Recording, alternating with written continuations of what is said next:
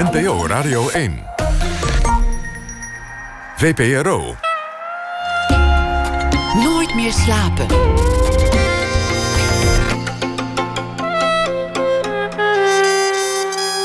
Met Pieter van der Wielen. Goedenacht en welkom bij Nooit meer slapen. Waarom kleurt de hemel rood als de zon weer in rusten gaat? Wat doet die maan daar soms ineens midden overdag? Waarom laten vliegtuigen van die strepen achter? En waarom in godsnaam is de lucht eigenlijk blauw? Voor wie wel graag naar boven kijkt, maar eerlijk moet bekennen niets van al die dingen te begrijpen, schreef Helga van Leur, bekend van het weerbericht, samen met wetenschapsjournalist Govert Schilling een boek. En het boek heet Dag en Nacht. En Govert Schilling die zit tegenover mij. Schilling schreef al zo'n 50 boeken vol en is vaak op radio en televisie verschenen, meestal als het gaat over het heelal. Ja, het gaat natuurlijk eigenlijk altijd over het heelal. of een aspect van het heelal. Maar laat ik dan zeggen, als het gaat over de ruimte. Govert Schilling, geboren in 1956, studeerde werktuigbouwkunde, maar ging iets anders doen. Hij was amateur sterrenkundige en werd een graag gehoord expert op het gebied van ruimtevaart en sterrenkunde. Hij schrijft voor de Volkskrant en de New Scientist en andere organen en treedt op op andere fora. Govert, hartelijk welkom. Wat leuk dat je er weer bent. Ja, dat vind ik ook leuk, eh, Pieter. Goedenavond. Heb je vanavond nog iets moois gezien aan, aan, de, aan de lucht? Nou, wat mij vooral opviel was toen ik... Kijk, normaal zit je s'avonds laat binnen en ga je om met naar bed. En nu stapte ik de deur uit om naar Hilversum te rijden. En ik dacht, verrek, het is nog steeds licht. En dat is logisch natuurlijk, dat weet ik wel. We hebben volgende week de, is het officiële begin van de zomer. Uh, de langste dag, kortste nacht. Uh, we hebben ook nog eens de zomertijd, dus de zon gaat laat onder. Het blijft heel lang schemeren. Maar het viel me echt op. En het, is, het was ook een prachtige avond.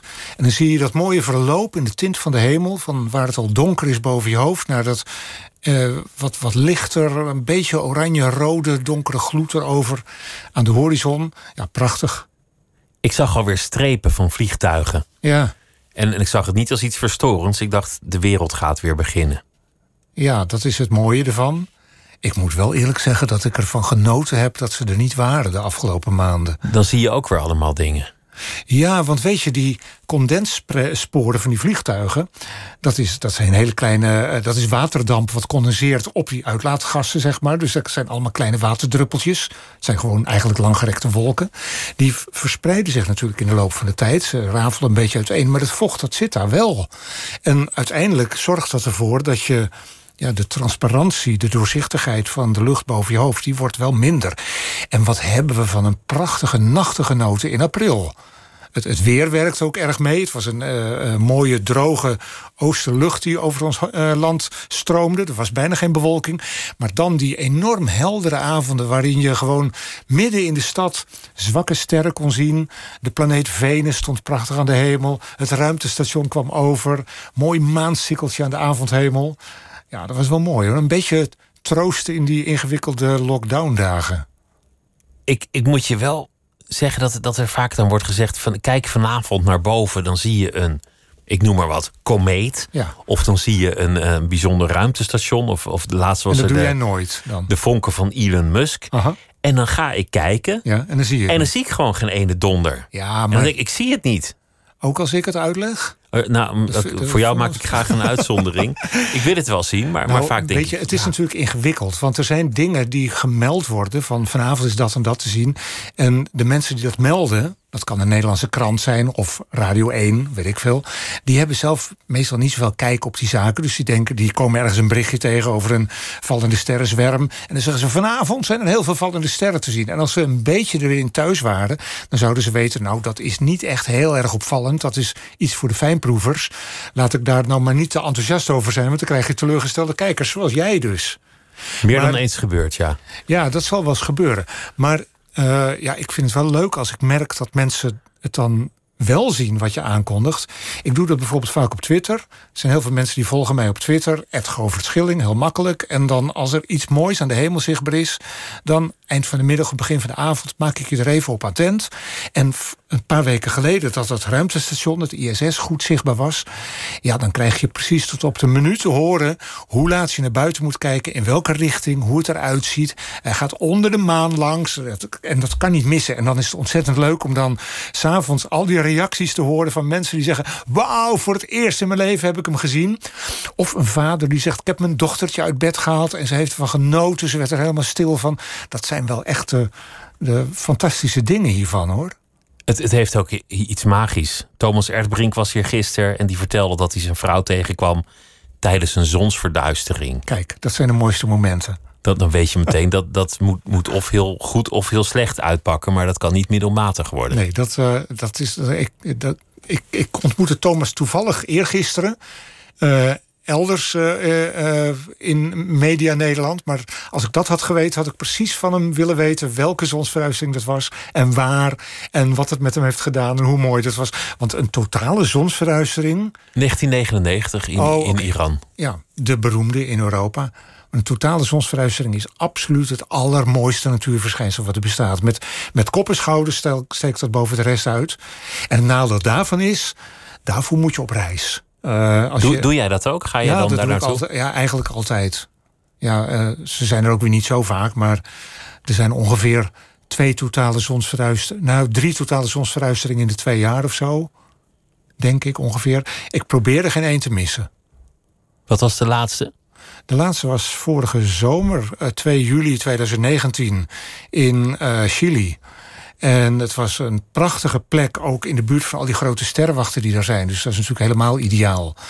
En schitterende hemel en een waanzinnig mooi verschijnsel. En ik, ik begeleid dan vaak eh, groepen toeristen die, die ook wel een heleboel andere leuke dingen gaan doen in zo'n land. Maar dan is die zonsverduistering toch een hoogtepunt. En het is ook heel leuk om mensen daarvoor van tevoren een beetje uh, op te porren en uh, ze lekker te maken uitleg te geven natuurlijk.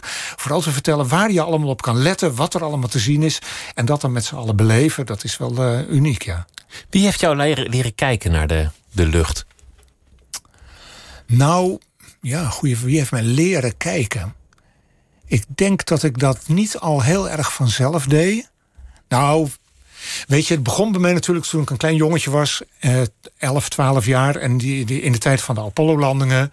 En uh, dat volgde je natuurlijk als. Uh, dat was het nieuws hè, toen. Er was weinig anders. Iedereen volgde dat. Maar ik was gretig. Ik vond uh, allerlei onderwerpen interessant. Dus rond het Apollo-project vond ik sterrenkunde en de maan interessant.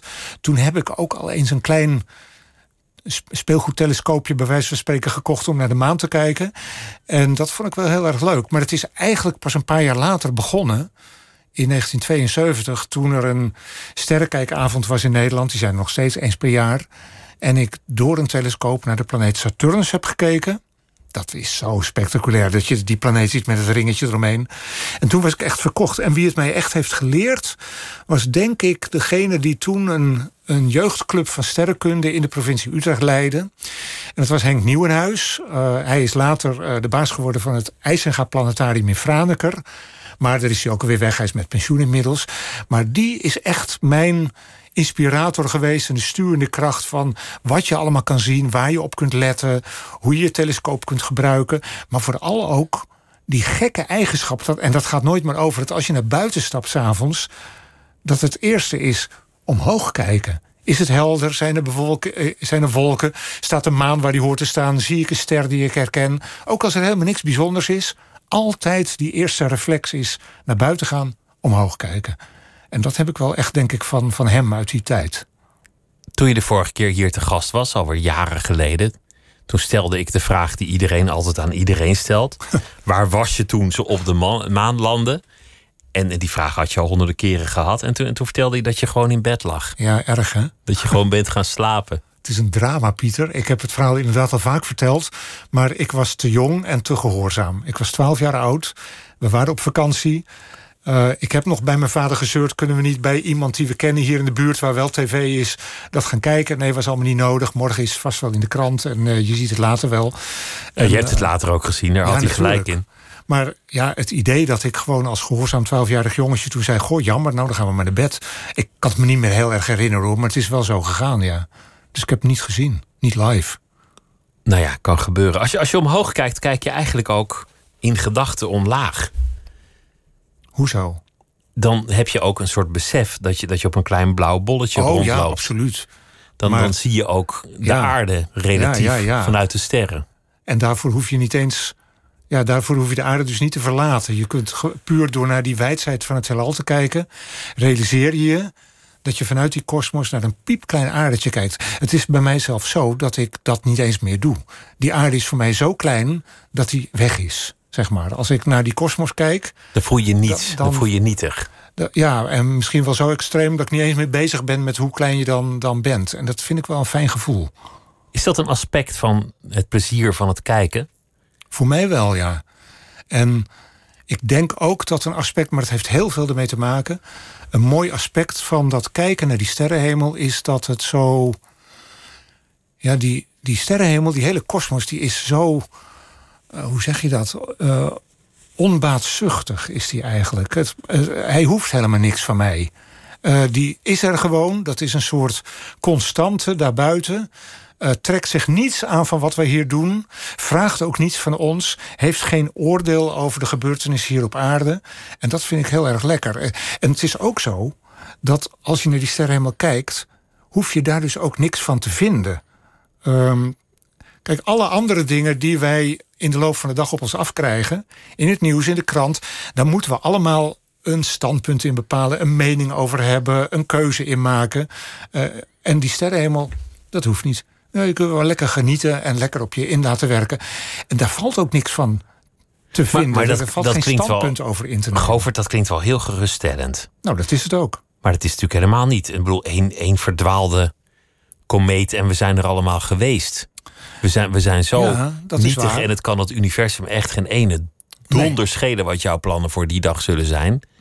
Je gaat er gewoon aan. Ja. En we gaan er ook aan. Misschien niet hier in dit leven, maar Ja. het staat al in de sterren geschreven dat de aarde zal vergaan. Maar daarmee zeg je precies waar heel veel mensen dan overheen stappen. Eh, Er zijn mensen die maken zich enorm zorgen over van... oh, de zon houdt ooit op met schijnen... of er komt misschien een keer een grote meteoriet of weet ik veel. Ja, dat zal vast wel eens een keer gebeuren. Maar we Ja, wisten of over een paar al... miljoen jaar of zo ja, maar we wisten toch al dat we als individu allemaal... eh, een keer aan het eind van ons leven komen... Eh, waarom maken we ons dan zoveel zorgen over het feit dat ook de mensheid een keer ophoudt te bestaan in de verre, verre, verre toekomst? Dat vind ik een beetje raar. Dat, dat is ook zo, maar eh, daar wordt je eigen bestaan niet sterfelijker van of zo. Dat, was, het dat was al volledig kwetsbaar en sterfelijk. En wat ik wel mooi vind, is dat, is dat die onverschilligheid, het is onverschilligheid hè, van de kosmos. Je zei het net op een andere manier, maar ik zeg ook al eens, als, als de, de mensheid niet meer bestaat, er is geen ster die daar een traan om zal laten. Dan is er geen aarde meer, nou en, in het heelal. En dat vind ik tegelijkertijd ook mooi en geruststellend, want het geeft aan dat wij ons niet zo verschrikkelijk belangrijk hoeven te voelen op die hele grote kosmische schaal. En dat betekent ook dat je even achterover kan leunen. Dat je niet meer op die plek zit waar je zelf ja, de beslissingen moet nemen en denkt dat je de wereld moet of kan veranderen. Nee, dat is gewoon helemaal niet zo. En die, die ongenaakbaarheid van de natuur en van de kosmos, en zelfs die onverschilligheid, dat, dat vind ik mooi. Dat is ook waarom ik überhaupt de, de natuur op aarde heel mooi vind. Die is er ook gewoon. Eh, Of ja, wij nou ons best doen of, of niet. ja. wat wij er ook van vinden. Maar je bent in een heel ander geloofssysteem opgevoed. Een geloofssysteem dat, dat juist wel waarde hecht aan de moraal, het menselijk handelen, aan rechtvaardigheid. Eh, ja, ik zeg niet dat naar die kosmos kijken eh, afrekent met dingen als moraal en rechtvaardigheid en zo. Hè. Dat is niet zo. Het is niet zo dat je denkt, nou ik kan alles doen waar ik zin in heb, Nee, want, want er kijkt toch niet. niemand. Nee, helemaal niet. Want De moraal heeft ook geen anker nodig Nee, buiten, dat vind buiten ik aarde. De- ik denk dat eh, moraliteit is iets wat aangeboren is in de mensheid. En daar hebben we gelukkig allemaal eh, een flinke portie van meegekregen. Dus eh, dat, nee, natuurlijk niet. Je, je, je kunt je eigen positie kennen in ruimte en tijd als zijnde heel onbelangrijk. Maar je zit hier wel. Je bent er wel en je bent wel onderdeel van dit leven. En je bent wel onderdeel van de samenleving. En je, je verhoudt je ten opzichte van de mensen om je heen. Dus dat, dat, het is niet zo dat ik denk, oh, kan mij allemaal schelen. En, uh, ik ga cookies jatten, want er is toch geen moraal in het nee, universum. Nee, nee, nee, dat is niet zo. Maar je hebt gelijk, ik, heb een, uh, ik kom uit een, zoals ze dat dan netjes zeggen, een, een streng gelovig nest. waar ik overigens helemaal geen slechte herinneringen aan heb. Um, en daar was het anders. Daar was het natuurlijk wel zo dat, um, dat die, die, ja, daar was je wel op een, een of andere gekke manier misschien toch belangrijker of zo. Want dan was het toch, het ging om de mensheid. En, en je, je was God, God had een plan met ons. Gemaakt, met en een idee. Als je dood bent, dan gaat het nog door. En ja, dat, als je daar stuk voor stuk allemaal afscheid van neemt, dan zou je denken, dan blijft er weinig of minder over. Maar voor mij is het er wel rijker door geworden, omdat ik tegelijkertijd ben gaan inzien dat ons bestaan ook niet losgezien kan worden van die hele grote uitgestrekte kosmos. We komen er verdorie uit voort. Uh, dat is mij vroeger nooit geleerd. Hè. Dat heb ik we zijn ervan gemaakt. We zijn ervan gemaakt. Elk atoom in jouw lichaam is ooit in een andere ster geproduceerd. En dat leerde ik vroeger niet in de kerk. En dat, dat leerde ik toen ik me in de sterrenkunde begon te interesseren. En toen dacht ik, oh my god, dat is dat is wat. Ik ben gewoon een onlosmakelijk onderdeel van die hele mooie grote wijdse kosmos. Een heel klein onderdeel, dat is waar. Maar ja, hallo, uh, als je als, als waterdruppel zegt: Ik ben te klein, dus ik doe er niet toe. En alle waterdruppels zeggen dat, heb je geen oceaan meer. Dus uh, dat het klein is, vind ik niet zo erg. Maar dat je er een onderdeel van bent, dat vind ik wel mooi. Dus je bent klein ergens nietig, maar wel onderdeel van iets heel groots ja, ja. en onbevattelijks. Crosby, Stills en Nash, We Are Stardust, We Are Growing. Of, of Joni Mitchell was het geloof ik oorspronkelijk. Ja, dat, van, is, van dat, dat, is natuurlijk een nummer van... Joni Mitchell heeft dat geschreven. Het, het is dat nummer Woodstock. Het is uh, beroemd geworden, denk ik, door de uitvoering van Crosby, Stills, Nash en Young. Of zonder Young, dat weet ik eigenlijk niet. Maar... Uh, ja, zij zingt daarin dat liedje We Are Stardust. En elke sterrenkundige kent die tekst natuurlijk, want het is letterlijk waar. En heel veel mensen kennen daarom dat liedje. Maar wat niet iedereen weet, is dat het voor Joni Mitchell geen metafoor was, maar dat ze zich donders goed bewust was van die realiteit. Want in dat liedje komt ook voor: We are billion year old carbon. Wij zijn miljarden jaren oud koolstof. En het liedje is in 1969 geschreven. En dat inzicht was toen misschien in de wetenschap zo'n 20, 25 jaar oud. Hooguit, misschien wel minder. Maar ja, dat zijpelde toch langzaam door naar de mensen die een beetje in de culturele sector zaten. En die raakten daardoor geïnspireerd. Was er ook voor jou een verband tussen de sterrenkunde en je eigen geloofsbeleving? Dat loslaten van het geloof, kwam dat ook door het turen naar de hemel? Um, ik denk dat het er wel mee te maken heeft, maar dan mis, misschien meer via een omweg. Want door dat turen naar die hemel en de interesse in sterrenkunde ga je boekjes lezen over natuurwetenschappen en ook over natuurkunde en ook geologie begon ik interessant te vinden, maar ook de kosmologie, ook de ontwikkeling van het heelal. En dan realiseer je van, oh, dit is een heel ander verhaal dan waar ik altijd mee ben opgegroeid. En dan, ja, dan beginnen die twee werelden een beetje los van elkaar te raken. En uh, ik denk dat het.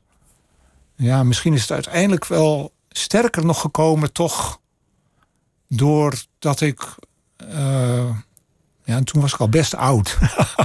ik heb op mijn 26e een eerste grote verre reis op de aarde gemaakt. Naar, eh, zeg maar verder dan Duitsland of Frankrijk of Engeland.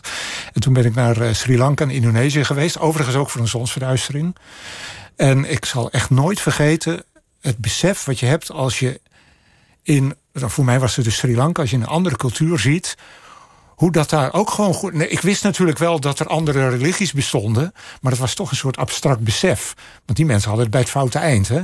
Want het, het christelijk geloof, hè, onze God is de beste, zoals Bie zongen. Dus dan, dan ben je gelovig en dan zit je, zit je er nog naast in de ogen van een andere religie. Ja, maar dan sta je daar opeens tussen en dan realiseer je dat hoe waanzinnig het is om te bedenken dat dat landje waar jij toevallig bent opgevoed en die godsdienst waar jij mee bent ge.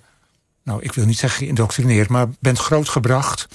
Dat dat de enige waarheid zou zijn. Nee, natuurlijk niet. Kom op, zeg. Kijk naar al die andere mensen, naar al die andere culturen, naar alles wat zij uit hun geloofsbeleving putten en, en halen. En, en daar hun zingeving uit. Ja, toen dacht ik echt, het slaat nergens op om, om, om zo aan die, aan die ene vorm vast te blijven houden. Was dat een gevecht thuis? Viel dat goed? Uh, het is sowieso niet van de ene dag op de andere gegaan. Ik woonde ook niet meer thuis toen dat echt gebeurde. Uh, maar mijn uh, ouders, die allebei niet meer in leven zijn, die, die hebben dat natuurlijk wel jammer gevonden dat ik afstand nam van het geloof. Ja, dat snap ik ook wel.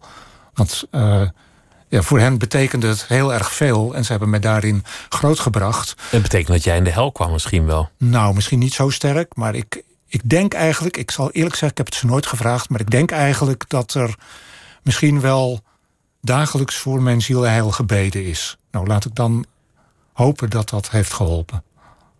Ik vind, ik vind het een interessant thema of er eigenlijk wel een tegenstelling moet zijn tussen wetenschap en, en religie. Ik, ik zag uh, professor Dekker onlangs uh, verschijnen. Die had een boek geschreven. Zeer gelovig man.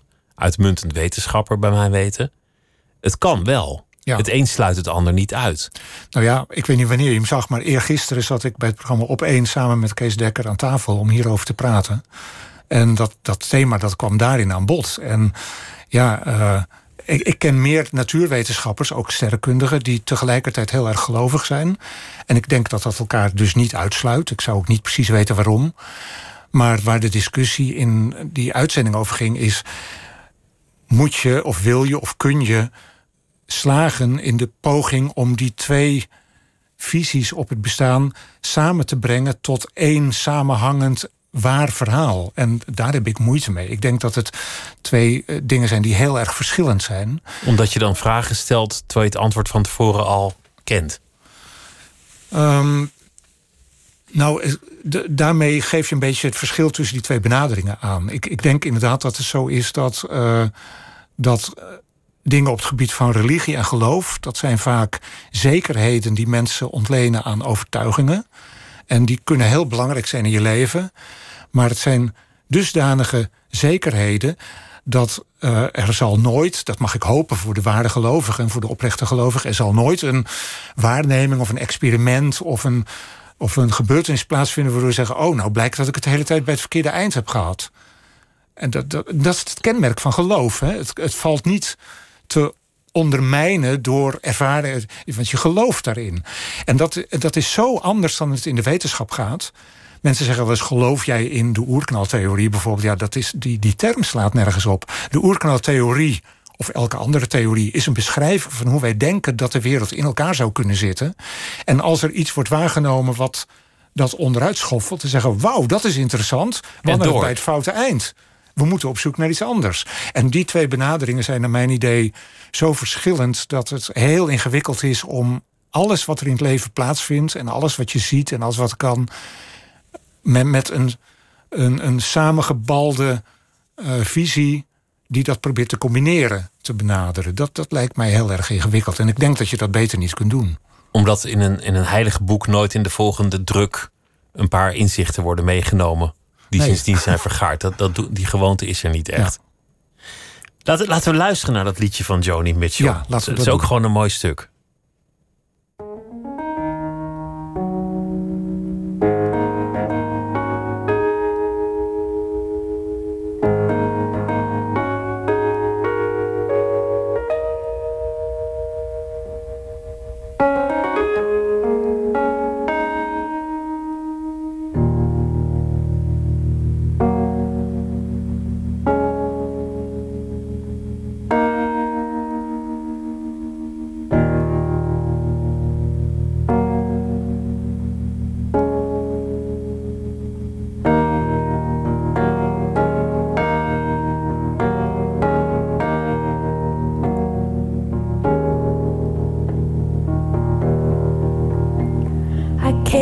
apart.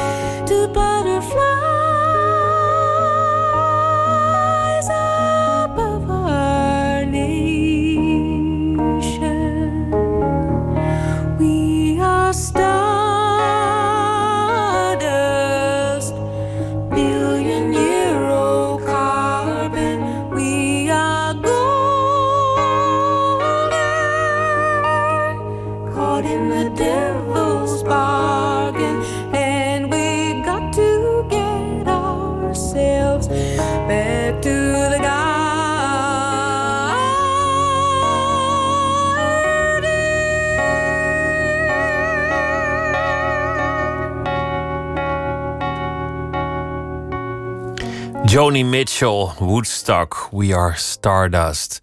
Govert Schilling eh, nam het liedje mee, want het is precies waar het over gaat. We maken deel uit van de kosmos. We zijn klein en nietig, maar deel van een heel groot en onbegrijpelijk geheel. En we kwamen te spreken over jouw interesse voor de sterrenkunde. Het kijken naar boven, dat je jong deed.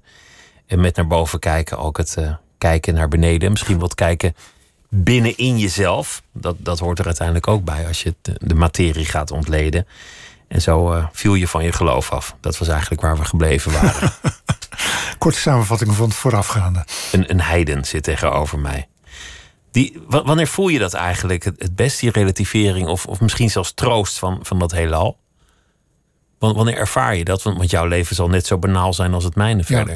Ik denk het wel. Tenminste, ik weet niet hoe, maar het zal wel, ja. Maar mijn leven is echt ongelooflijk banaal bij vlagen. Nou, dan is het bij mij bijna net zo erg, denk ik. Ja, toch? Eh, wanneer, wanneer voel je dat het, het best? Sowieso, ehm, als ik ook niet eh, in, in een bewoonde omgeving ben. Ik, eh, ik bedoel, het liefst voel ik mij in dat heelal in mijn eentje. En ik kan er niet zweven, maar dan toch wel buiten de, ja, ergens in de vrije natuur, in het donker. Geen huizen en eh, snelwegen en auto's, geen geluid, stilte. En dan die sterrenhemel. Eh, dan, dan heb ik dat het sterkst. Dat komt toch het dichtste bij in dat heelal zijn. Het scheelt ook niet zoveel. Er zit maar een dun laagje lucht boven ons en dan ben je er al. Dan zit je al in de ruimte. In een stad ervaar je dat niet zo, op, op je dakterrasje. Nee, eh, sowieso niet, omdat er natuurlijk veel meer kunstlicht is. Dus je ziet de sterren helemaal minder goed. Eh, dus dat kan ik iedereen aanraden. Als je er echt van wil genieten, moet je echt een donkere plek opzoeken. Maar eh, het andere is, eh, er zijn te veel vertrouwde dingen dan in je blikveld. Als ik op mijn dakterras in het centrum van Amersfoort naar de sterrenhemel zit te kijken, wat ik wel eens doe, ja, dan zie ik het, het hekje van mijn dakterras en ik zie de daken van de huizen aan de overkant en ik zie de Lange Jan van Amersfoort staan en ik zie een paar bomen, Al- allemaal leuk en aardig, maar dat is te dichtbij. Het moet ver weg zijn. Jij reist ook graag. Ja, maar dat kan nou helaas al een tijdje niet meer. Door, door die rottige ziekte. Nou. Hoe vaak doe je dat, zo- zo'n reis maken? Normaal gesproken. Ja, ik weet niet wat je daaronder verstaat. Ik ben voor mijn werk normaal gesproken veel op pad. Je had het al over die zonsverduisteringen. Die probeer ik. eh, die zijn vaak op mooie plekken. En dan is het leuk om als je een paar dagen met zo'n groep optrekt om die, de eclipse uit te leggen. Om daarna ook nog even van de gelegenheid gebruik te maken om in dat land een beetje iets te zien. Eh, of ik ben voor een congres op pad of zo. Maar ik vind het ook heel erg lekker om in mijn eentje eh, door een onherbergzaam landschap te toeren.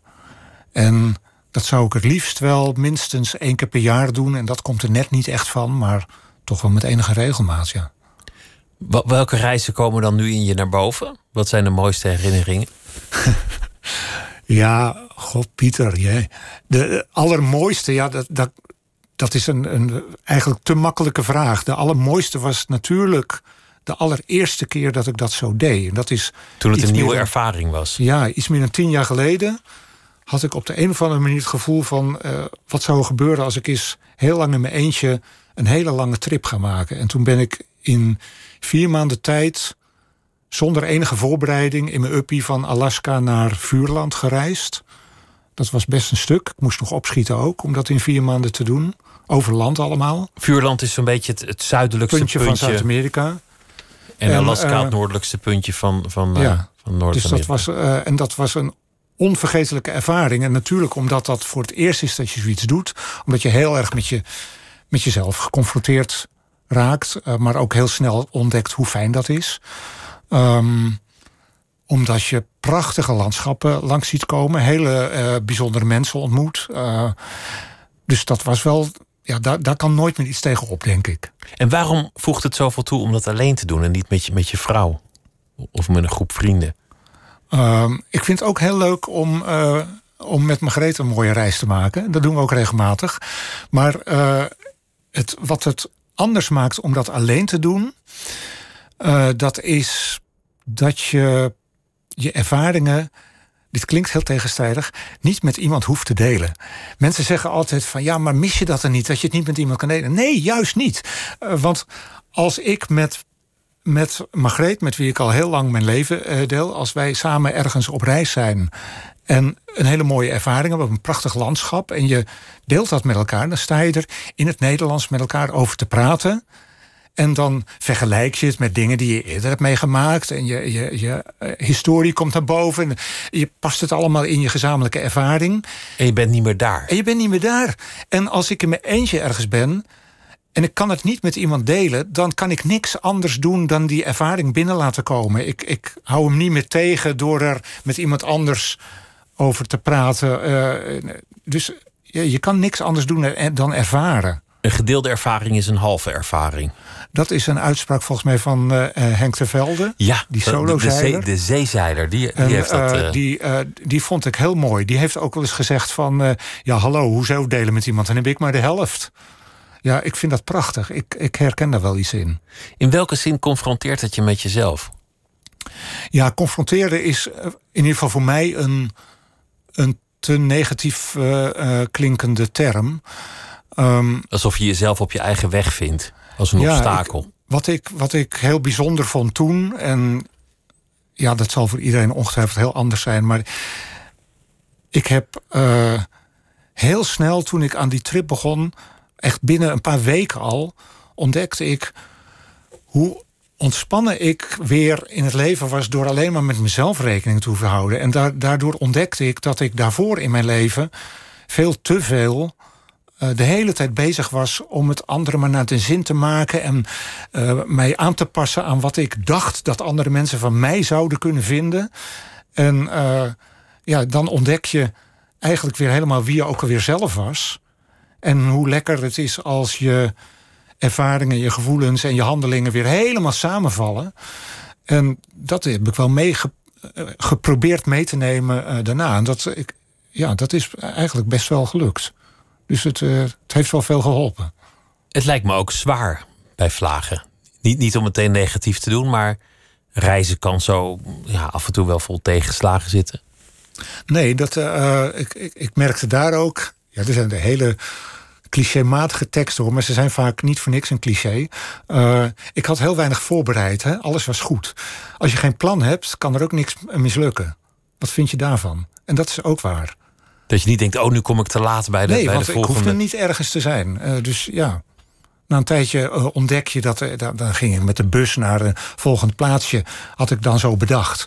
En dan blijkt die bus alleen op dinsdag en donderdag te rijden. Nou ja, dan ga ik dinsdag of donderdag. Of ik ga op een andere manier of zo. Of ik... het maakt er allemaal niet zoveel uit. Dus ja, en natuurlijk is het, is het zwaar als, als dingen tegenzitten. En als je uh, ja. Nou ja, je hebt ook pech. Ik heb ook een keer uh, met een zware pick-up truck en een uh, lekke band met een paar graden vorst midden in de nacht. dat je dan de volgende ochtend moet denken, ja, en nu en niemand in de buurt om je te helpen. En de krik die erbij geleverd was, die was half kapot. Dus nou ja, dat was niet leuk, maar ook niet rampzalig, hè? Nee, dat is toch wel overkomelijk. Ja. Of het moet midden in de woestijn zijn geweest en dat er coyotes om je heen begonnen te cirkelen. Zo, maar... zo erg was het niet. Maar... Nou, zie je. Dus nee, ik vond het niet zwaar. Ben je ook een natuurliefhebber? Mm, ja, maar niet op de manier die de meeste mensen daarbij denken. Ik, ik, voor mij moet de natuur moet kaal zijn. Dus ik ben niet zo. Ik, ik, loop, ik wandel veel. Ik vind het ook best lekker om in een bos te wandelen. En ik vind bloemen mooi en, en vogels allemaal leuk en aardig. Maar het, het begint pas echt iets te doen in de woestijn of in, een, in het hooggebergte of in een kaal rotslandschap. Dat, dat vind ik gaaf. Dat desolate. Ja. En dat komt misschien ook wel omdat dat. Ja, dat heb ik misschien voor mezelf ingevuld hoor. Omdat dat meer de associatie is met ook die, die rare desolaatheid en wijsheid van de kosmos. Het, het, heeft iets, het heeft iets meer kosmisch over zich. Het lijkt dan een beetje op de maan. Ja, bijvoorbeeld. Of op een verre planeet die we nog niet ontdekt hebben. En uh, ja, ik heb ooit een keer. Uh, kijk je naar een landschap en dan zie je, eh, zegt iemand van, oh prachtig hè, al die heuvels en bergen. En dat je dan denkt, ja, het zal wel, maar ik zie ze niet, want er staan allemaal bomen op. En dan ligt er zo'n groene deken, ligt daar al zo zacht golvend over zo'n landschap. Terwijl eronder allemaal prachtige, ruige, gave rotsen verborgen zitten. Ja, ik, eh, doe mij maar de rotsen. Zit, het Calvinisme nog in je? Een, een hang naar soberheid, naar ascese? Ik, ja, dat, dat is misschien ook wel. Ik zal vertellen dat nu met die lockdown... Hè, eh, er waren een heleboel mensen die dachten... goh, we mogen opeens niks meer. Nou zal ik mezelf eens lekker gaan verwennen, hoor. Dan gingen ze lekker eten in huis halen, weet ik veel. Terwijl ik dan juist heb... oh, we mogen nu niks meer. Schroef dan ook maar weer alles naar beneden. En ik ging bijna in die modus van... In, Van in je, in je eh, pick-up truck door de woestijn rijden. Waar, waar je ook alleen een fles water en een pak eh, op de bank naast je had liggen. Eh, ja, dan, gaan we weer terug helemaal naar de kern. Dat, dus dat is het wel een beetje. Hoewel ik ook heel erg van luxueuze dingen kan genieten. Dus eh, ik weet niet of dat het Calvinisme is. Het zit nog wel een beetje in me. Betrap ik me op, maar dat vind ik helemaal niet een slechte eigenschap. Dat ik wel eh, vind dat je dingen moet, ver- eh, moet verdienen en zo. En eh, je moet wel je best doen. En het moet, je moet wel eh, iets, iets betekenen. En het moet wel ergens toe, ergens toe doen. En het moet allemaal wel. Ik, ik, heb wel een lichte vorm van zwaarmoedigheid en eh, plichtsbesef en zo. Dat soort dingen, dat heb ik wel een beetje. Stel dat er nu een, een organisatie zou komen. wa- Want hier wordt echt al over gesproken, commerciële ruimtevaart. En die, die zouden dan zo'n reis aanbieden naar, naar de maan. Ja, Dat, dat gaan we misschien nog wel meemaken. dat denk ik wel, ja. Ik denk Elon niet, dat, Musk, denk die niet dat heeft wij het zijn- kunnen betalen, maar Nee, die, maar eh, die ruimtevaartbedrijf eh, SpaceX van Elon Musk... die gaat dus commerciële ruimtevaart doen. Waarschijnlijk al binnen een jaar kun je al, net, zoals die twee astronauten... een paar weken geleden kun je een stoel kopen in die Dragon-capsule. Kost nu nog misschien een paar ton of zo. Ja, dat heb ik niet, dus dan gaat het niet lukken. Maar hij wil ook dus eh, toeristenvluchten naar de maan. Eh, voorlopig nog niet landen, maar om de maan heen vliegen... en dan weer terug naar de aarde. Ik denk dat wij dat nog wel gaan meemaken, ja. Dat, dat zie ik binnen een aantal jaren wel gebeuren. nou, laat ik de vraag dan net iets, iets aantrekkelijker maken. Stel, jij wordt gevraagd om als gids mee te gaan. Want Oh, anders, ja. anders staan die toeristen daar op de maan een paar selfies te nemen. En denken ze, wat, wat zien we hier eigenlijk? Waar gaat dit over? En dan, dan hebben ze jou nodig. Ja. Wat dan? Zou, je, zou je dat doen? Is ja, dat een droom? Ja, meteen. Nee, echt geen, geen twijfel mogelijk. Zou ik meteen doen. Waarom niet? Nou, omdat er volgens mij op de baan niet zo gek veel te beleven valt. Eh, hallo. We, we zijn er naartoe gegaan, heel veel opwinding, de hele aarde keek. En toen kwamen ze daar en toen dachten ze van, ja, wat, wat, wat, wat doen we hier? Ehm, ik, zou het niet willen, ik zou niet gaan wonen. En ik denk dat als je er een maand moet verblijven, dat dat eh, heel, eh, heel ingewikkeld gaat worden, want dan ben je het wel zat. Maar een reis naar de maan is toch net zoiets als in een waanzinnig aards woestijnlandschap staan. En daar van die enorme kracht van de natuur genieten. En dan heb je ook nog die aarde. Waarvan je dan weet dat al die bijna 8 miljard andere mensen daar op dat bolletje zitten. Wat je uit, eindelijk vanuit de kosmos kan bekijken. Dat- dat lijkt me wel gaaf. spectaculaire ervaring. Dat, dat lijkt me wel gaaf, want op zich naar de Noordpool zou ik ook niet zo snel gaan. Nee? Nee, eh, koud, Ja, nou trek je een dikke jas aan. geen restaurant te bekennen. Ja, dat- een paar weken later weer, als je weer terug bent. Ja, goed. Ja, nee, ik zou dat eh, echt direct doen. Lijkt me fantastisch. Dus eh, als je wat kan regelen qua gidsen, dan... Het werd al de renaissance van de bemande ruimtevaart genoemd. wat? Waar we nu Oh, ons bevinden. Ja, een ja. beetje een vroege belofte natuurlijk. Maar ja, het, het stond er ineens heel droevig voor. Een jaar of tien geleden moesten ze constateren... dat als ze nu naar de maan zouden willen met astronauten... dat dat niet eens meer zou gaan. Dat ze Mhm. Ja. de kennis niet meer hadden. ja. En, en dan heb je dat in 1969 wel gekund. Ja, de kennis, dat, dat is een beetje fout uitgesproken. Op dit moment zou, zou, de alle, zou alle hardware opnieuw ontwikkeld moeten worden. Het is natuurlijk zo dat we precies weten hoe je naar de maan moet. Omdat we weten Maar- hoe we het toen hebben gedaan. Ja, het is, het ook, het is ook niet zo ingewikkeld. Je moet gewoon met een raket uit het zwaartekrachtveld van de aarde loskomen... en dan een paar dagen wachten en dan ben je bij de maan en dan ga je daar landen. Dus de, de kennis is er wel, maar de hardware die toen gebruikt werd... de Saturnus V-raket enzovoort, ja, al die blauwdrukken enzovoort... het is natuurlijk ook technologie van een halve eeuw geleden. Je zou het nu anders willen doen. Dus wil je het nu doen, en daar is men nu mee bezig... moet het vanaf de basis opnieuw qua hardware eh, ontworpen en ontwikkeld worden... Eh, maar ja, dat is ook niet verschrikkelijk moeilijk, kost alleen heel veel geld. Het is eigenlijk een wonder dat het toen gelukt is. Dat is een wonder, ja. ja eh, dat is, was wel spectaculair. Nou ja, een wonder. Uh, het had ook veel vaker fout kunnen gaan dan het ging. Er zijn natuurlijk ongelukken gebeurd. Hè. Er is zelfs één hele crew overleden, toch? Precies. Van de Apollo. Is, uh, nog voordat er bemande vluchten plaatsvonden... was er bij een test op de aarde... is er één complete bemanning van drie mensen omgekomen bij een brand... tijdens een, uh, een test op de grond. dan hadden we natuurlijk het ongeluk van de Apollo 13 wat maar net goed afliep als dat op een ander moment in de vlucht was. Of als ze iets meer pech hadden gehad, dan waren ze gewoon allemaal, alle drie dood gegaan. En hadden we er allemaal met ons neus bovenop gezeten als een soort Big Brother op de tv om precies te volgen hoe drie astronauten om het leven komen. En dan hebben we die ongelukken met de Space Shuttle natuurlijk gehad. Dus ja, er gaat heel veel fout. En uh, ruimtevaart is wel heel gevaarlijk. Het is ook heel ver en het gaat ook heel snel natuurlijk. En het is ook heel duur. We hebben het nu eigenlijk over bemande ruimtevaart. Ja.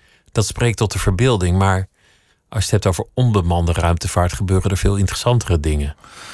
Nou, dat is ook wel de reden dat ik eigenlijk. Dat, dat klinkt misschien tegenstrijdig, maar eigenlijk ben ik helemaal niet zo enthousiasteling over de bemande ruimtevaart. Ik zou heel graag willen, want het lijkt me spectaculair om mee te maken. En ik ben jaloers op André Kuipers dat hij dat heeft gedaan. Allemaal waar. Maar uh, het is niet nodig voor het vergaren van extra kennis over de kosmos of van de aarde.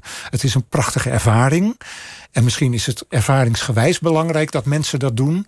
Maar uh, ja, ik, om daar nou enorme bakken belastinggeld aan uit te geven, dat vind ik niet per se nuttig. En daarom denk ik die commerciële bemande ruimtevaart, waar de ruimtevaarders gewoon zelf hun ticket kopen. Ja, dat lijkt me beter. Dat, uh, dan doen die mensen het zelf. En als je dan heel rijk bent en je hebt een paar miljoen... en je wil een rondje om de maan maken... en je weet niet wat je verder met je geld moet doen... ja, doe dat dan maar. Dan moeten ze dat zelf weten. En dan kan er collectieve geld in nuttige wetenschap... met, met karretjes op Mars. En uh, ik denk dat het uh, onbemande ruimteonderzoek, zoals je dat dan noemt, met satellieten in een baan om de aarde om het heelal te bestuderen, of de aarde zelf te bestuderen. We kunnen niet meer zonder ruimtevaart. Hè? Ons, ik bedoel, de helft van de mensen die dit nu hoort, ons gesprek. Hoort dat, dat via een satelliet? Aan, ja, dat, dat hebben we te danken aan, aan, uh, aan de communicatietechnieken die we aan de ruimtevaart te danken hebben. En de hele weersvoorspellingen. We, vinden het nu heel normaal dat een eiland geëvacueerd kan worden omdat er een tropische orkaan op komst is. Ja, vroeger merkte je dat anderhalve dag van tevoren omdat de lucht betrok. En dan had je honderden of duizenden slachtoffers. Wij kunnen absoluut niet meer zonder die toepassingen van de ruimtevaart. En voor het wetenschappelijk onderzoek van de planeten of van de aarde of van de kosmos is ruimtevaart gewoon heel erg belangrijk. Dus uh, ja. Omdat het de enige plek is waarvan je echt kunt kijken naar wat er gebeurt in het heelal. Buiten de dampkring. Nou, we kunnen natuurlijk telescopen op de grond hebben. Maar dan moet je altijd door die groezelige atmosfeer, die altijd een beetje trilt en bibbert en een heleboel soorten straling tegenhoudt, moet je doorheen kijken. Dus je hebt liever een instrument in de ruimte. En ja, nou kunnen we natuurlijk een grote supertelescoop of een radioschotel kun je niet zo makkelijk lanceren. Maar er zijn een heleboel andere instrumenten die bijvoorbeeld de röntgenstraling uit het heelal meten of, of, uh, of, uh, of bepaalde vormen van infraroodstraling. Kun je niet eens zien vanaf het aardoppervlak. Ja, dan moet je wel een satelliet lanceren. En ja, als wij meer willen weten over een andere planeet, uh, dan kun je beter een karretje heen sturen dan met je telescoopje vanaf de aarde staan te turen. Wat zijn de laatste inzichten die jou echt van je stoel hebben geblazen? van mijn stoel hebben geblazen. Dingen, oh. dingen die, jou, die jouw hart echt weer sneller deden kloppen. Alsof je weer, uh, alsof je weer twaalf was. Ja, wat, oh, nou, dat zijn wel heel verschillende dingen die je nu vraagt. Maar laat ik met die laatste beginnen. Mijn hart ging sneller kloppen alsof ik weer twaalf was... toen er een, inmiddels al een flink aantal jaren geleden... voor het eerst een ruimtescheepje langs de dwergplaneet Pluto vloog. Pluto, die, dat was altijd zo'n klein lichtstipje. Toen, toen ik vroeger in sterrenkunde geïnteresseerd raakte. Er was niks van bekend. We wisten hoe die heette en waar die stond ongeveer. Dat was het. En dat je dan meemaakt dat iets wat op de aarde gelanceerd is... negen jaar onderweg is geweest om daar te komen, als ik me niet vergis. Ja, negen jaar. En daar dan met een enorme snelheid langs vliegt... foto's maakt die terug zijn naar de aarde... en dat wij dan hier zien hoe die hele mysterieuze, rare wereld eruit ziet. Dat vond ik spectaculair. Maar dat was niet echt een revolutionair nieuw inzicht. Ja, dat was heel interessant om te zien. Het vertelt iets over de herkomst van de planeet en van ons zonnestelsel. Maar die nieuwe inzichten, die echt groot zijn en met de hele kosmos te maken hebben, ja, dan heb je het over dingen zoals de ontdekking van zwaartekrachtgolven, een paar, ook een paar jaar geleden. Dat Einsteins theorie werd bevestigd, was dat toch? Ja, dat eh, Einstein voorspelde dat al ruim 100 jaar geleden. En dat de hele lege ruimte zelf een klein beetje kan trillen door hele heftige gebeurtenissen ver in het heelal. En dat je dan nu met de meest nauwkeurige instrumenten die ooit gebouwd zijn, dat je die trillingen van de lege ruimtetijd echt kunt meten, dat is natuurlijk, dat was echt waanzin. En, en, en ook het potentieel wat het heeft om in de toekomst daarmee verre zwarte gaten te bestuderen of explosies in andere sterrenstelsels, uiteindelijk misschien zelfs de oerknal beter te begrijpen. Dat was echt wel heel revolutionair. En ook zo knap dat iemand dat theoretisch voorspelt zonder alle computers van nu. En, en er dan toch redelijk bij in de buurt Ja, het was ook wel een hele rare voorspelling. Want uh, tien jaar nadat hij dat voorspeld had, kwam hij er zelf weer op terug. En toen geloofde hij weer niet dat ze echt bestonden. En dat het misschien een raar wiskundige uitkomst was van zijn theorie... die niet per se echt waar hoefde te zijn. En uiteindelijk is Einstein in 1955 overleden... zonder zeker te weten of die zwaartekrachtgolven nou wel of niet bestonden. Hij wist zelf niet of hij gelijk had. Hij wist niet of hij gelijk had, maar wist, hij zei toen wel... als ze bestaan, zullen we ze nooit kunnen meten... want ze zijn veel te uh, miniem. Ja, dat, dat moet je natuurlijk nooit tegen een wetenschapper zeggen dat iets nooit kan. Want dan gaan ze extra hun best doen om het toch voor elkaar te krijgen. En dat is een paar jaar geleden gelukt. Ik houd van dat soort voorspellingen. Van Mick ja. Jagger gaat nooit meer op tour als hij 50 is. Let maar op. Dat is, dat is altijd leuk om later op terug te kijken. Elke voorspelling met nooit komt eigenlijk nooit uit, zeg ik nu. Precies. Of met, met zeker of, of zeker niet. Of, of dat soort dingen. Het, het, het wordt alleen maar wijdser. Want, want je zei dat je de, de wijdheid van het heelal zo mm -hmm. mooi vindt je hebt nu al mensen die het hebben over een multiversum. dat ja. er misschien wel meerdere oerknallen zijn geweest. Ja, of ik ja, verwoord het niet helemaal netjes, maar, maar daar komt het dan op neer. En dat er parallel aan dit universum nog een universum en we oneindig veel kunnen zijn. En het wordt, het wordt alsmaar onbevattelijker. Ja, ja dat vind ik het, het mooie en tegelijkertijd ook het gekke van al dit soort theorieën. Ik zal voor iedereen die hier naar zit te luisteren en denkt van wauw, dat is interessant, waarschijnlijk is dat waar, zal ik vertellen dat al die ideeën over meerdere oerknallen en multiversums en parallele heelallen, dat is ontzettend speculatief. Dat is echt de theoretische spielerij van de astronoom en van de theoretisch fysicus. Het zou allemaal kunnen en in principe is het leuk om daarover na te denken. En nee, er is geen enkele reden waardoor we tot de conclusie komen dat het niet waar kan zijn. Dus zou het in principe wel waar kunnen zijn. Maar we zullen er maar, ook nooit geraken. Dus we kunnen het ook nooit helemaal uit eerste hand. Nee, maar tegelijkertijd is het, hoe speculatief ook, is het ook ontzettend fascinerend om daarover na te denken. En om, om die stap van de aarde vroeger als centrum van het heelal. naar onze zon in de Melkweg, en dat was het. Naar het hele grote heelal wat we nu kennen. Om die stap nog een keer verder te maken en te denken: ja, misschien is ook ons heelal niet uniek we, zijn al een paar keer de mist ingegaan in het verleden. Eerst dachten we dat de aarde uniek was. Toen dachten we dat de zon uniek was. Toen dachten we dat ons melkwegstelsel uniek was. Ja, ik zeg wel eens, misschien moeten we die fout niet nog een vierde keer maken. En, en maar vol blijven houden dat het heelal, dat er daar maar één van is. Zou het best kunnen dat er meer zijn. Maar al die inzichten wer, werpen ons uiteindelijk terug op aarde. Hoe, hoe het universum wordt, hoe meer het ons confronteert met het gegeven dat we evolutionair alleen maar op deze plek zijn toegerust. Wij kunnen hier ademen, we kunnen Mhm. hier leven. We hebben niet zoveel te zoeken op Mars. Laat staan in een ander universum. Nee, dat klopt. We hebben er misschien zelf niet veel te zoeken. Dan moet ik er even bij zeggen dat we bij het onderzoek aan de planeten, zoals Mars en Venus, daar hebben we best veel te zoeken, omdat die kennis ons heel veel leert over hoe we ook weer met onze aarde om moeten gaan. Maar om te leven hebben we er niks Maar te we hebben zoeken. er niks te zoeken om te leven. Daar ben ik helemaal met je eens. Ik, al die ideeën om een kolonie op Mars te gaan bouwen, vind ik volstrekt eh, flauwekul. Dat vind ik echt lari. Hebben we niks te zoeken. Slaat nergens op. Maar die blik van buitenaf, waar, waar al die astronauten die wel het Ja. geluk hebben gehad om daar te, Ja. te komen, André Kuipers, die, die, die heeft, dat, heeft dat wel eens verteld. Die opent een perspectief op de aarde. Ja. Je ziet hem een paar keer aan je voorbij trekken en dan denk je ineens: wat een, wat een kwetsbaar balletje is dat. Ja, en wat ik het mooiste vind, en ik, ik, heb het, ik dacht altijd dat het een tekst van André was, maar ik heb hem ooit gevraagd. Hij zegt: nee, die is niet van mij. Maar het is een astronaut geweest die zei: van je draait om de aarde, je kijkt naar beneden, je ziet de hele wereld aan je voorbij trekken, maar je ziet geen grenzen. Want grenzen bestaan alleen in een atlas en tussen je oren. Wat vind je daar dan van? Dat is toch prachtig? Grenzen tussen volkeren, grenzen tussen landen, grenzen tussen culturen, tussen religies die bestaan niet echt. Die zie je niet. En dat is een besef wat je meekrijgt, denk ik, als je de aarde van buitenaf bekijkt. En ook kan ik dat nooit echt ervaren. Maar er zijn gelukkig mooie foto's. En ik kan mij heel goed indenken hoe het zou zijn om dat te doen. En dan krijg ik toch iets van het gevoel mee. Dus ik, ja, ik voel me af en toe toch een klein beetje een astronaut. Misschien is dat wel een van de grote nuttige zaken van de ruimtevaart gebleken dat perspectief. Misschien is dat wel noodzakelijk voor onze soort. Ja, ik zou willen zeggen dat is een, een heel goed nuttige uh, zaak van de sterrenkunde, van onze verkenning van het heelal.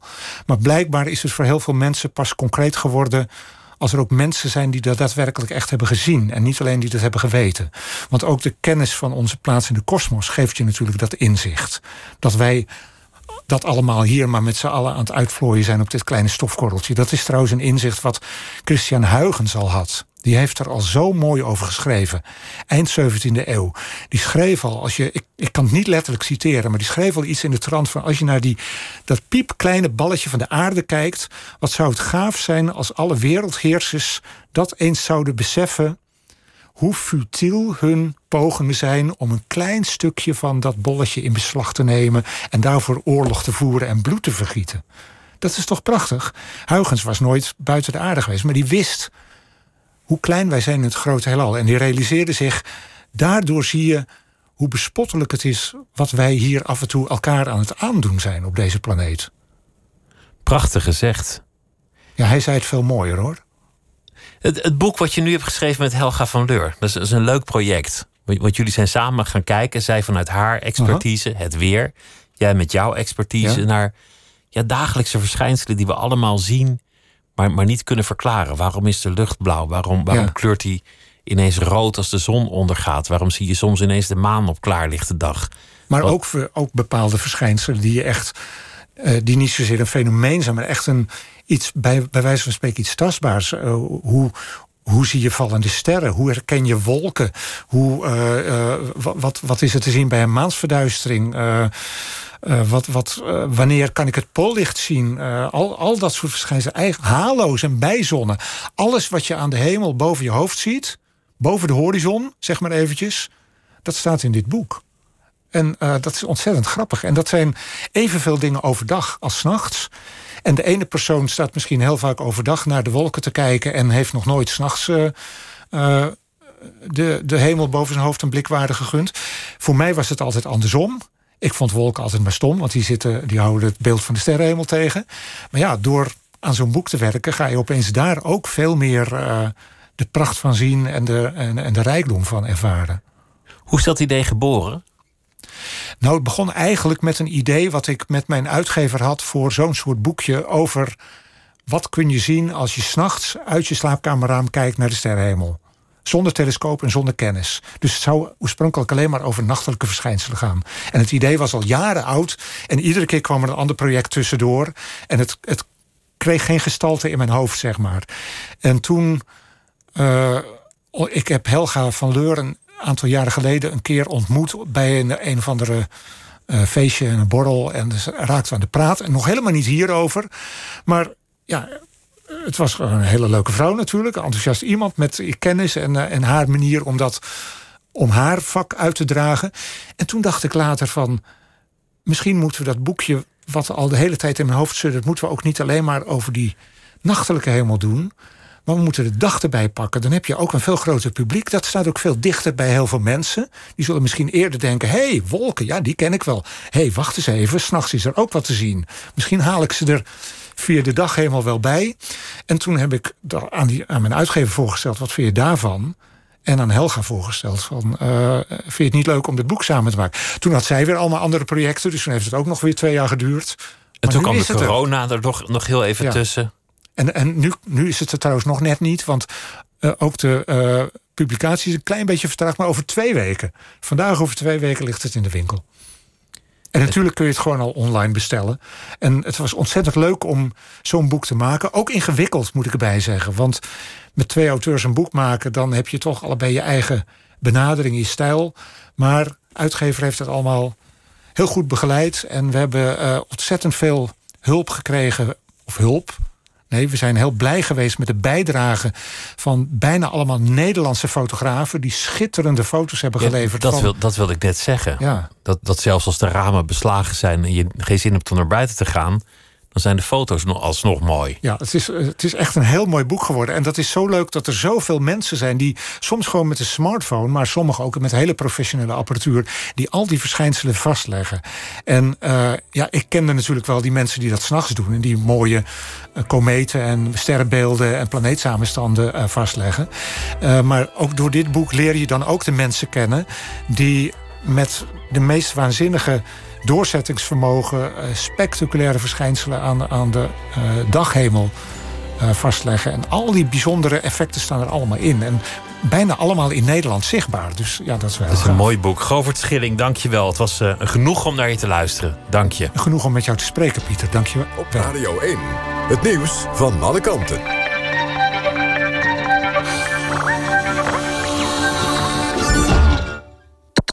NPO Radio 1.